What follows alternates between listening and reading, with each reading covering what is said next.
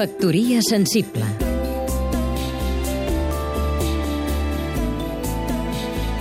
Oleguer Sarsenedes, periodista Atès com estan les coses en general i el grau de desorientació dels ciutadans davant del col·laboró polític, econòmic, judicial que ens ofereix diàriament l'actualitat, bo és recórrer als clàssics, que per això hi són. Els clàssics tenen la virtut que no caduquen, sempre fan efecte, amplien horitzons, donen perspectiva i ajuden a centrar la qüestió. Ja no et pots creure algú que t'ha mentit, això deia Friedrich Nietzsche. I les mitges veritats són la més covarda de les mentides, afegia Mark Twain. Els secrets i les mentides són com un càncer de l'ànima, roseguen tot el que és sa i només deixen la carcassa. La cita és de Cassandra Clare. Michael Ende va més enllà.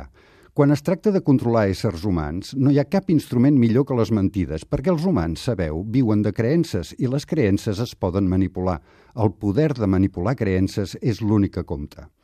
Thomas Paine, un dels pares intel·lectuals de la Revolució Americana, ja avisava que és impossible calcular els danys morals que la mentida produeix en una societat.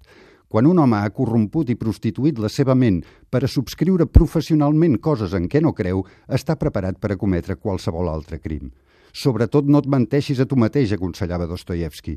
L'home que escolta la seva pròpia mentida arriba a un punt en què no pot distingir la veritat dins seu o al seu voltant i aleshores perd tot respecte cap a ell i cap als altres.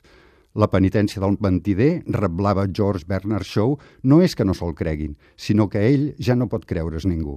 Ja ho sabeu, en cas de dubte, llegiu els clàssics. Factoria sensible